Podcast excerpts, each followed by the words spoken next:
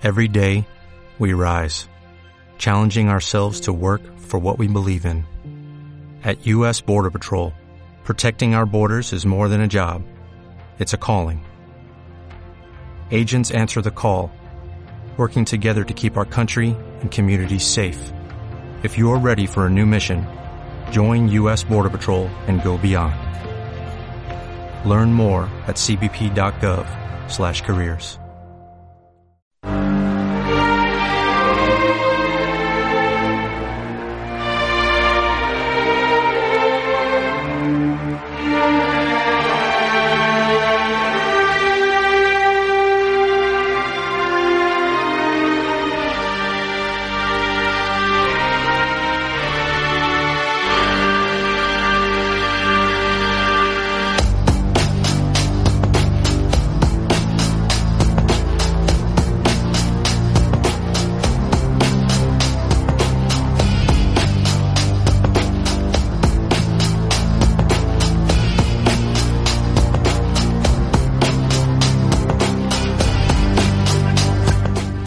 Hola a tothom! Inaugurem febrer amb una bona temperatura, no gaire freda per a ser encara l'hivern, després d'haver patit dies enrere el pas de la tempesta Glòria, que ens ha fet una contundent demostració del que és la impressionant força de la natura.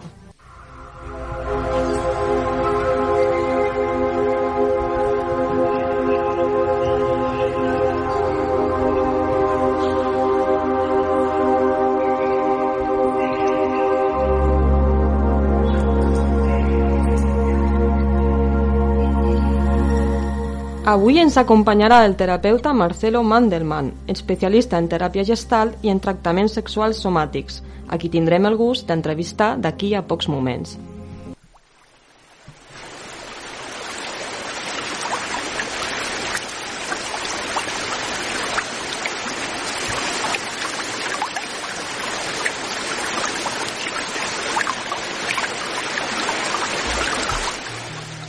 Un cargador de agua de la India tenía dos grandes vasijas que colgaban a los extremos de un palo y que llevaba encima de los hombros. Una de las vasijas tenía varias grietas, mientras que la otra era perfecta y conservaba todo el agua al final del largo camino a pie, desde el arroyo hasta la casa de su padrón. Pero cuando llegaba, la vasija rota solo tenía la mitad del agua. Durante dos años completos esto fue así diariamente. Desde luego la vasija perfecta estaba muy orgullosa de sus logros, pues se sabía perfecta para los fines para los que fue creada. Pero la pobre vasija agrietada estaba muy avergonzada de su propia imperfección y se sentía miserable porque solo podía hacer la mitad de todo lo que se suponía que era su obligación. Después de dos años, la tinaja quebrada le habló al aguador diciéndole Estoy avergonzada y me quiero disculpar contigo, porque debido a mis grietas solo puedes entregar la mitad de mi carga y solo obtienes la mitad del valor que deberías recibir. El aguador, apesadumbrado, le dijo compasivamente Cuando regresemos a la casa, quiero que notes las bellísimas flores que crecen a lo largo del camino. Así lo hizo la tinaja, y en efecto, vio muchísimas flores hermosas a lo largo del trayecto, pero de todos modos se sintió apenada, porque al final solo quedaba dentro de sí la mitad del agua que debía llevar.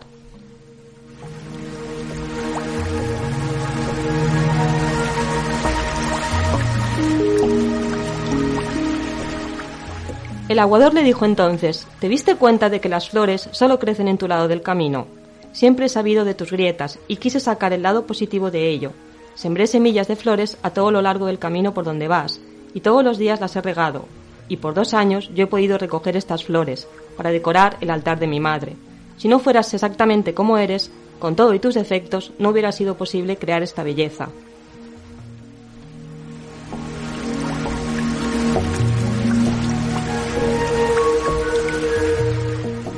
Cada uno de nosotros es como es y tiene sus propias grietas. Lo importante es aprovechar esas grietas para obtener buenos resultados.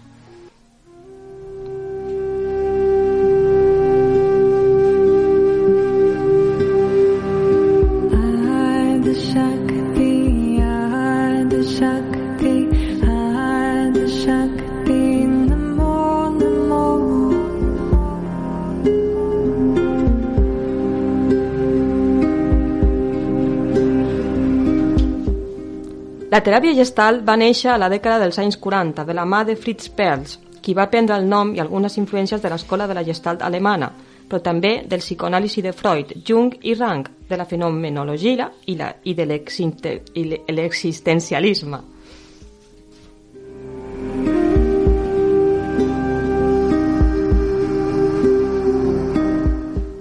Peirce es va interessar també pels treballs de William Reich sobre el cos, com a sistema de defensa i curassa caracterològica, i per Moreno i les seves tècniques teatrals, psicodramàtiques i expressives.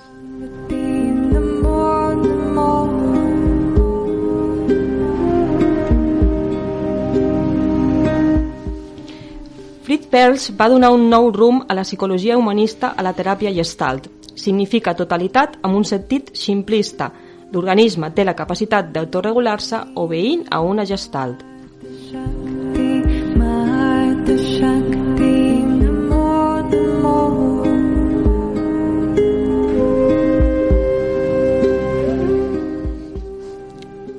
Buenos días, Marcelo. Bienvenido a Radio San Paul. Buenos días. Gracias por recibirme. ¿Qué tal? ¿Cómo estás? Muy bien. Muy bien aquí con este clima fantástico aquí eh, genial, muy contentas de tenerte aquí y bueno, explícanos un poco en qué consiste tu trabajo y qué haces exactamente con la terapia gestal y con las terapias también, estas que hemos dicho al principio. De sexualidad somática. Exacto. Vale. Pues divido mi trabajo en, este, en estos dos tipos de terapia. La terapia gestal, como lo has dicho perfectamente, eh, entendemos a la persona que, que, recibimos como, una totalidad y no solo de lo que la persona puede contarme, sino de lo que el cuerpo, su voz, su emoción me va contando a mí. Ya sabemos que la mente y no, nos puede explicar una cosa, pero el cuerpo me está contando otra. Y yo estoy básicamente más pendiente de lo que me cuenta el cuerpo, de la narración o la narrativa que me, que me esté dando. Y lo que, lo como te he explicado antes, trabajo con la resonancia, mucha resonancia. Entonces, eh, escuchándote, me escucho a mí, no me pierdo de mí, trato de, resonar con lo que me estás contando y qué me está produciendo a mí esto que me estás contando. Y desde ahí es eh, integrar todas las máscaras, porque a la consulta viene la persona con un montón de personajes. Y la idea es pues ir sacando uno a uno fuera de la sala los personajes e integrarlos, mirarlos y simplemente aceptar los que están ahí. ¿no? Porque hay gente que dice, no, es que yo soy una persona súper bondadosa. Y como vivimos en un mundo dual, pues si eres bondadosa también está la otra polaridad. Sí. Que puedes o no reconocerla o creer que no está, pero está, siempre está la, la polaridad. Ajá. Y entonces extraer estas polaridades y aceptarlas, a veces cuesta más trabajo eh, aceptar estas partes oscuras nuestras que todos tenemos, la parte oscura. y, y también eh, el, el, hecho de, querer transformarnos, de querer trabajarnos e ir hacia, hacia la luz. Si tú pones una gran luz grande, cuanto más te acerques a esta luz, más sombra reflejarás.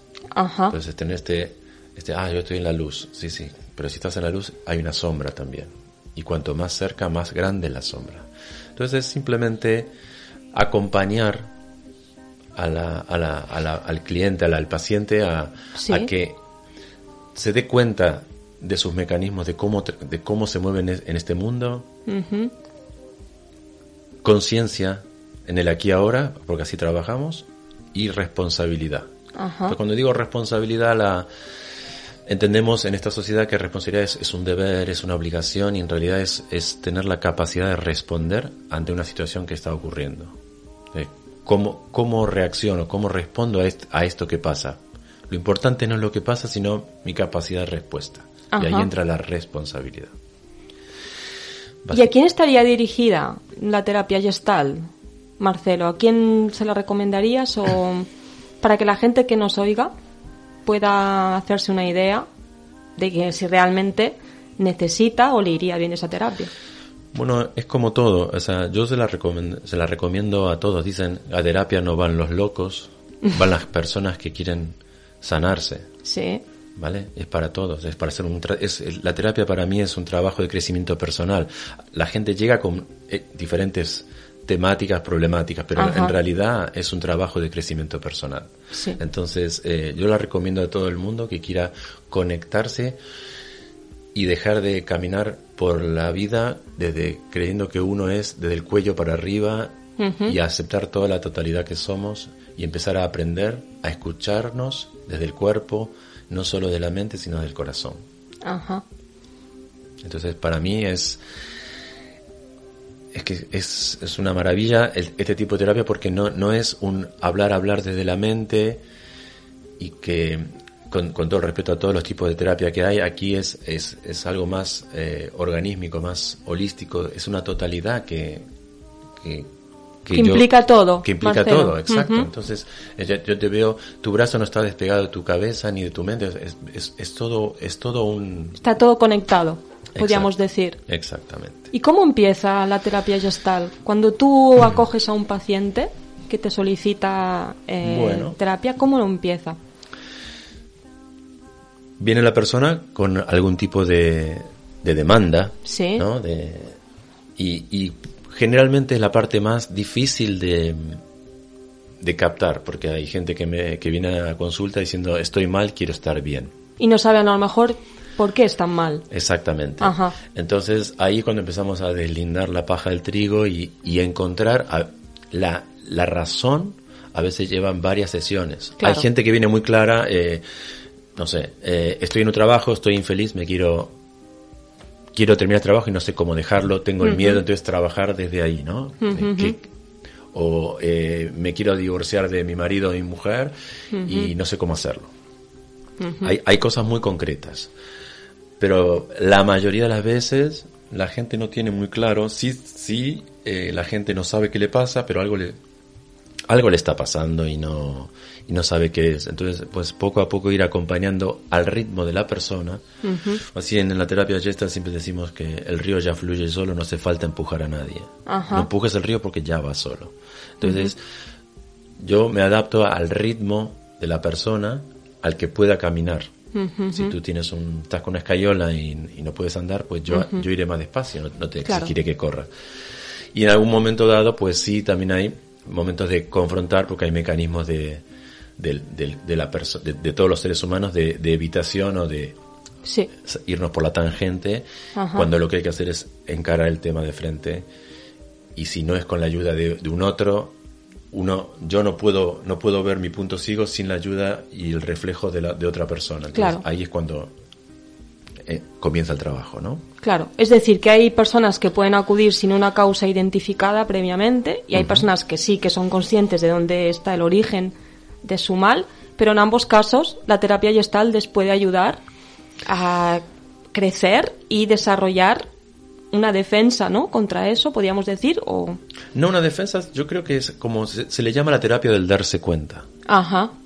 Entonces, ayuda a... Son esos momentos de que, ay, me he iluminado, no. Esos momentos de darnos cuenta, de darnos cuenta dónde estoy, de darme cuenta cómo, cuál es mi mecanismo eh, para relacionarme con el mundo, con, con, otros seres humanos. Entonces, em, y hacerte responsable de que todo lo que te ocurre tú eres, responsable en algún punto, siempre eres responsable de todo lo que nos pasa. Yo soy responsable de mi vida y de todo lo que me ocurre, de todas mis relaciones.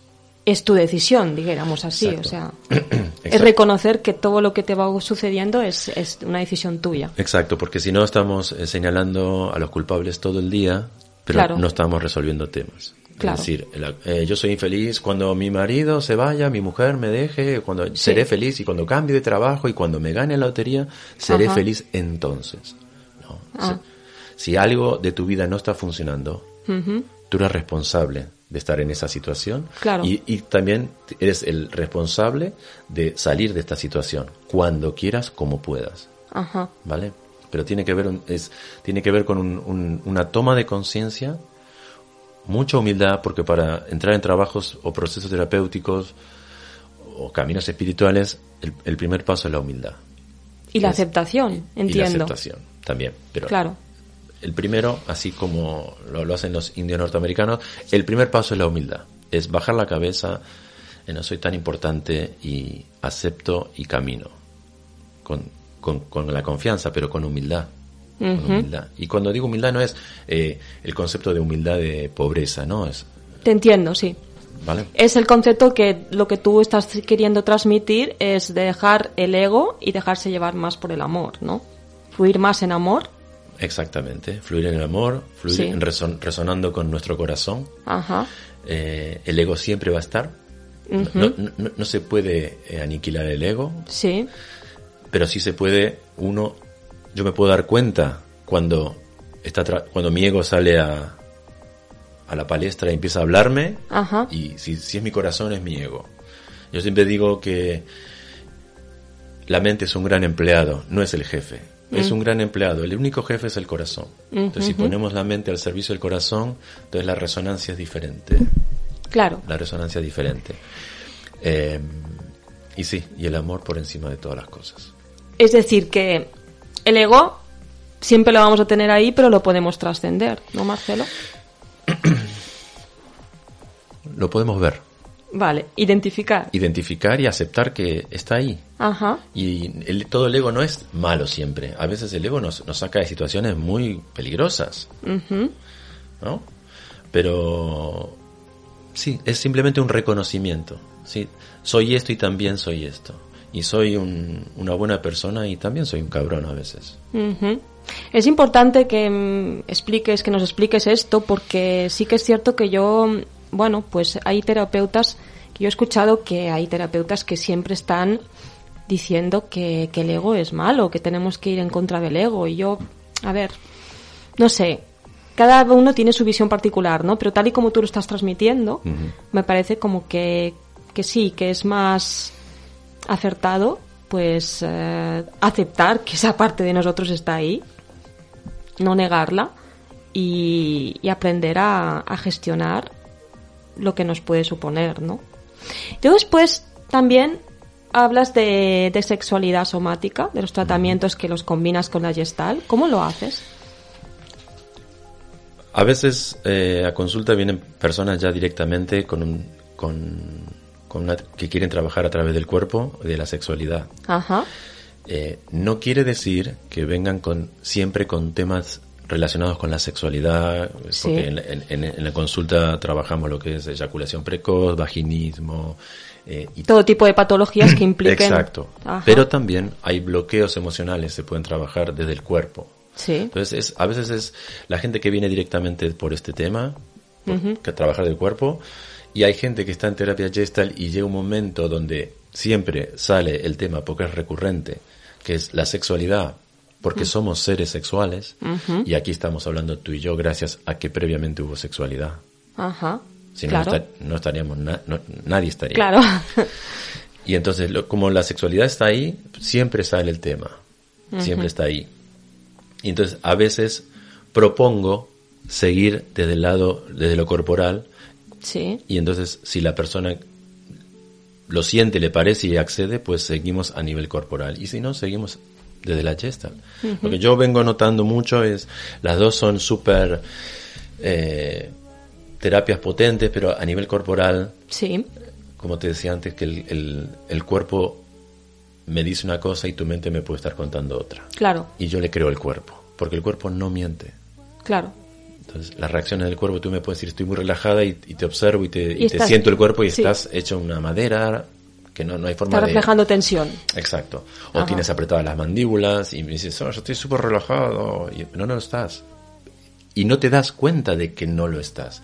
Y ahí Claro. va el trabajo de conciencia, el de poco a poco darse cuenta y a través de la resonancia ir contándote y reflejándote lo que veo en ti para que tú puedas verlo. Por Sí. momentos te puedes enfadar, porque claro, cuando ves algo que no, no nos gusta, no, no, no. Mucha gente se enfada, claro. Lo rechaza, quieres Sí, decir. es, claro. Entonces, como lo rechaza, yo- en realidad cuando lo rechazo es que me está doliendo tanto que no lo puedo tolerar y, y necesito ponerle un culpable a este dolor y, y puedo, Sí. puedo ser yo, tu compañero, tu compañera, el, eh, mi padre, mi madre.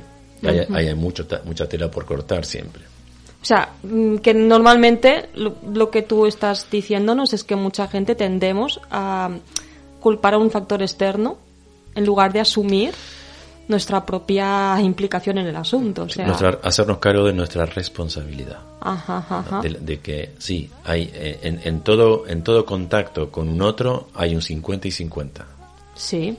Entonces, hacerme cargo de esta parte. Si no me pongo eh, en, el papel de la víctima, pobrecito de mí, la vida me engañó. tengo mala suerte, ¿no? Si tengo mala suerte, no, o sea, hazte cargo. Resuena con tu corazón y siempre digo que si escuchas tu corazón es que no, no, no, fallará, porque siempre digo, ¿has visto cuando vas por la autopista y, estás dudando de en qué, cuál es la salida y, y, tú sabes que la salida es esta y, entra ahí tu mente y empieza a decir, no, bueno, no sé, a lo mejor es la otra y cuando te estás pasando dices, me cachis, era esta, ¿por qué no escuché la primera intuición? La primera intuición que tuve. Pues esa no te la dio la mente, te la dio el corazón y te la dio la intuición. Entonces, ir haciéndole caso más al corazón que cuesta eh, cambiar esta modalidad porque así nos han criado. Nos, nos han programado. Exactamente. Entonces, eh, mm. yo hace años ya que trato de, escuchar a mi corazón. A veces me pierdo también, porque tampoco es que yo estoy ni iluminado ni superado, simplemente que a veces me pierdo, pero estoy muy consciente de lo que mi, corazón me pide. Aunque el mundo me diga estoy loco. Si mi corazón, yo lo tengo, lo siento muy fuerte en mi corazón, ya me pueden decir lo que quieran que voy a seguir haciéndolo. Claro, porque tienes la paz de que estás haciendo lo correcto. Exacto. Exactamente. Me parece muy interesante porque entonces se puede, mm, ya que hablamos de programación, eh, Marcelo, mm. ¿se puede reprogramar nuestro inconsciente, nuestro subconsciente? ¿Tú dirías que sí? Yo creo que, yo estoy convencido de que sí. Pero es, es el, para mí el reprogramar el inconsciente es ir, ir arrojando luz ¿Sí? E ir, e ir, e ir observándome en, en, el, en, el, proceso que estoy, cómo lo puedo trascender de la mejor manera. Pero es, es, es arrojando luz y, y, a veces lo que ilumino no es tan bonito y, duele.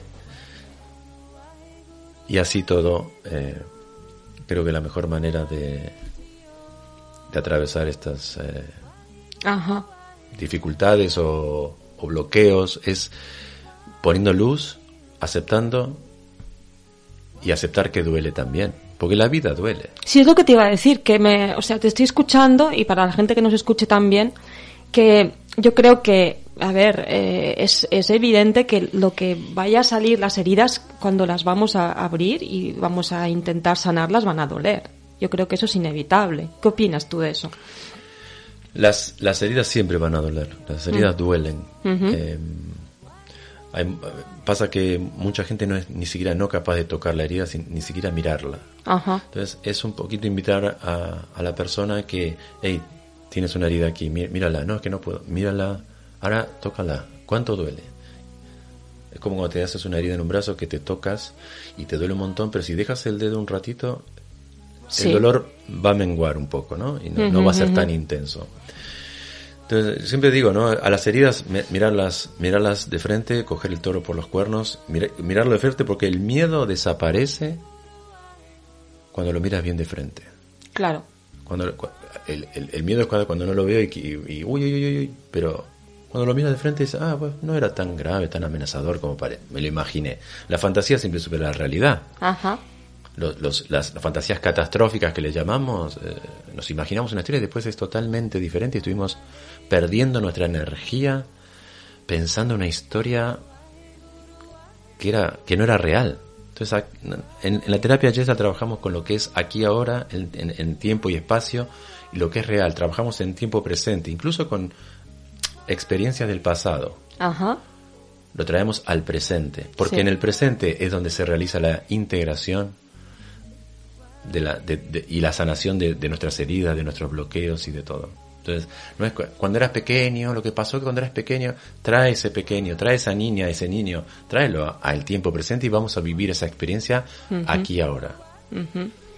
Y ahí cuando, desde la experiencia, de la guesa desde la experiencia es como, como integramos y aprendemos. No es algo cognitivo, donde yo te explico, la vida es y tú entiéndeme, porque no, no, es experimentalo, siéntelo y vívelo. Entonces tenemos este cuerpo, el cuerpo que tenemos, a Dios gracias, es donde vamos a experimentar la vida no algunas cosas. La vida la experimentamos a través del cuerpo. Y experimentamos lo que es el dolor, lo que es un beso, lo que es el calor, lo que es el sol, lo que es el agua, las sensaciones, la sexualidad, todo es a través del cuerpo. Entonces, em, solamente a través de la experiencia es que aprendemos. Yo te puedo, yo te puedo contar historias, yo puedo decir, me he leído libros sobre no sé, cómo jugar al, tenis. Y jamás he pisado una pista de tenis, por ejemplo. No, mm. la experiencia está y es, es real cuando mm. entro a la pista, me, pongo las bambas y, y, siento que me pasa en la pista.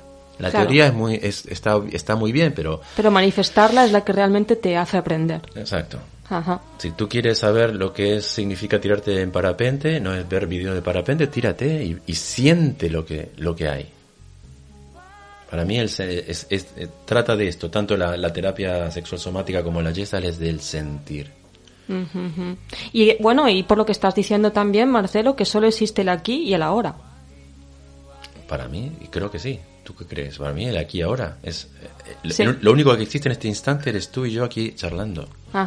El pasado ya fue, el futuro no existe. Sí. Y, si te vas, el, si vas al futuro te crea una angustia, si vas al pasado te crea un dolor. Pero aquí ahora, ¿cómo estás tú? La verdad es que sí, que es coger conciencia de que solamente existe este momento. Exactamente. No es tan difícil. Lo que pasa es que es cierto que la mayoría de gente cometemos ese error de quedarnos anclados en el pasado, que ya no existe, o anticiparnos al, al futuro y tener ansiedad por ese futuro que todavía no existe tampoco. Entonces, sí, sí, sí. Siempre estamos en tiempo presente. porque cuando salgamos de aquí, de la radio, tú te vas a. Ya será pasado, claro. Esto será pasado, pero estarás en tiempo presente. Claro. Por eso, qué bonito, ¿no? Que el, al tiempo presente yo lo veo como es un regalo. Siempre te hago un presente en tu cumpleaños. ¿Por qué se llama presente? entonces es un regalo. Entonces este tiempo presente es nuestro regalo que vamos recibiendo a cada instante porque estamos en tiempo presente constantemente experimentándonos.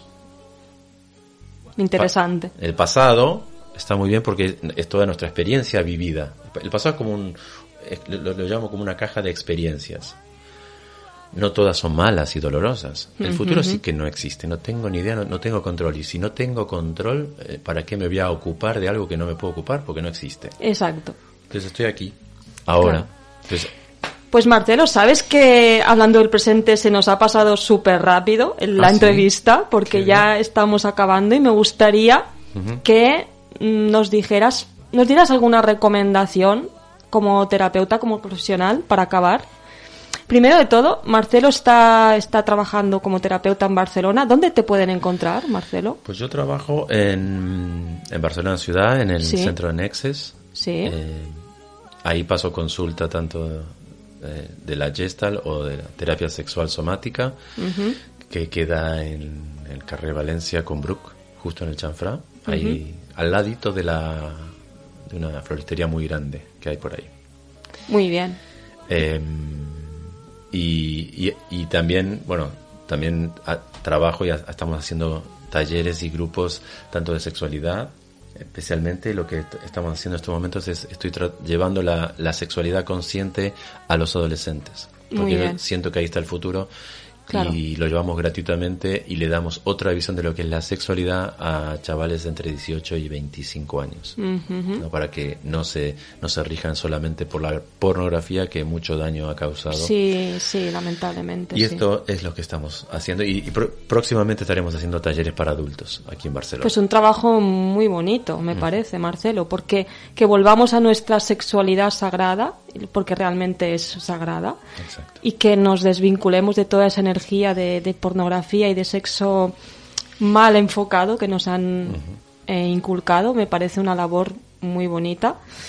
Y nada, mm, ha sido un placer tenerte aquí y bueno, me gustaría, insisto, que nos hagas alguna recomendación. No sé, danos una recomendación o cómo podemos las personas estar mejor o ser más felices, Marcelo. ¿Qué les dirías a la gente? Bueno, eh, a ver, odio, o yo odio dar consejos y recomendaciones porque soy uno más, igual que, que, todos. Lo que yo hago, hablo desde mi experiencia y lo que yo hago es estar el mayor tiempo posible consciente y escuchándome y resonando conmigo de qué es lo que estoy necesitando a cada instante. Ajá. Y no eh, estar hacia afuera, sino estar más hacia adentro. Hacer trabajos de conexión, trabajos de, de interiorización, meditación.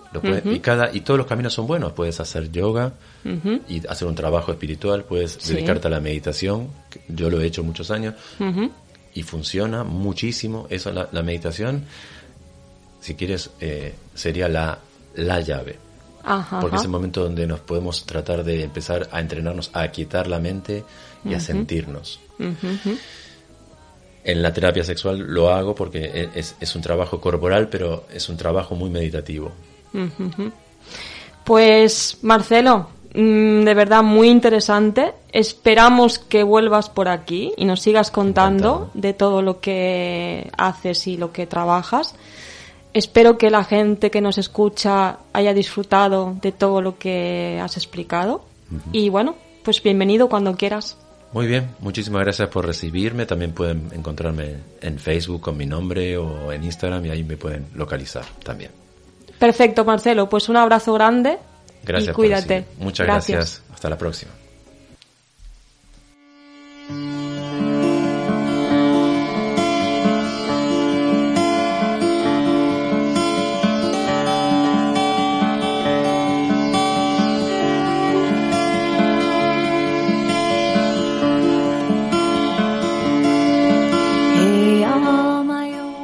I això és tot per avui. Esperem, com sempre, que us hagi agradat. Tornarem la propera vegada amb més temes interessants per tractar i més ànimes sàvies per descobrir. Gràcies des d'aquí a la part de so portada per Jordi Sobranyes. Cuideu-vos molt, petons i fins aviat. Wanna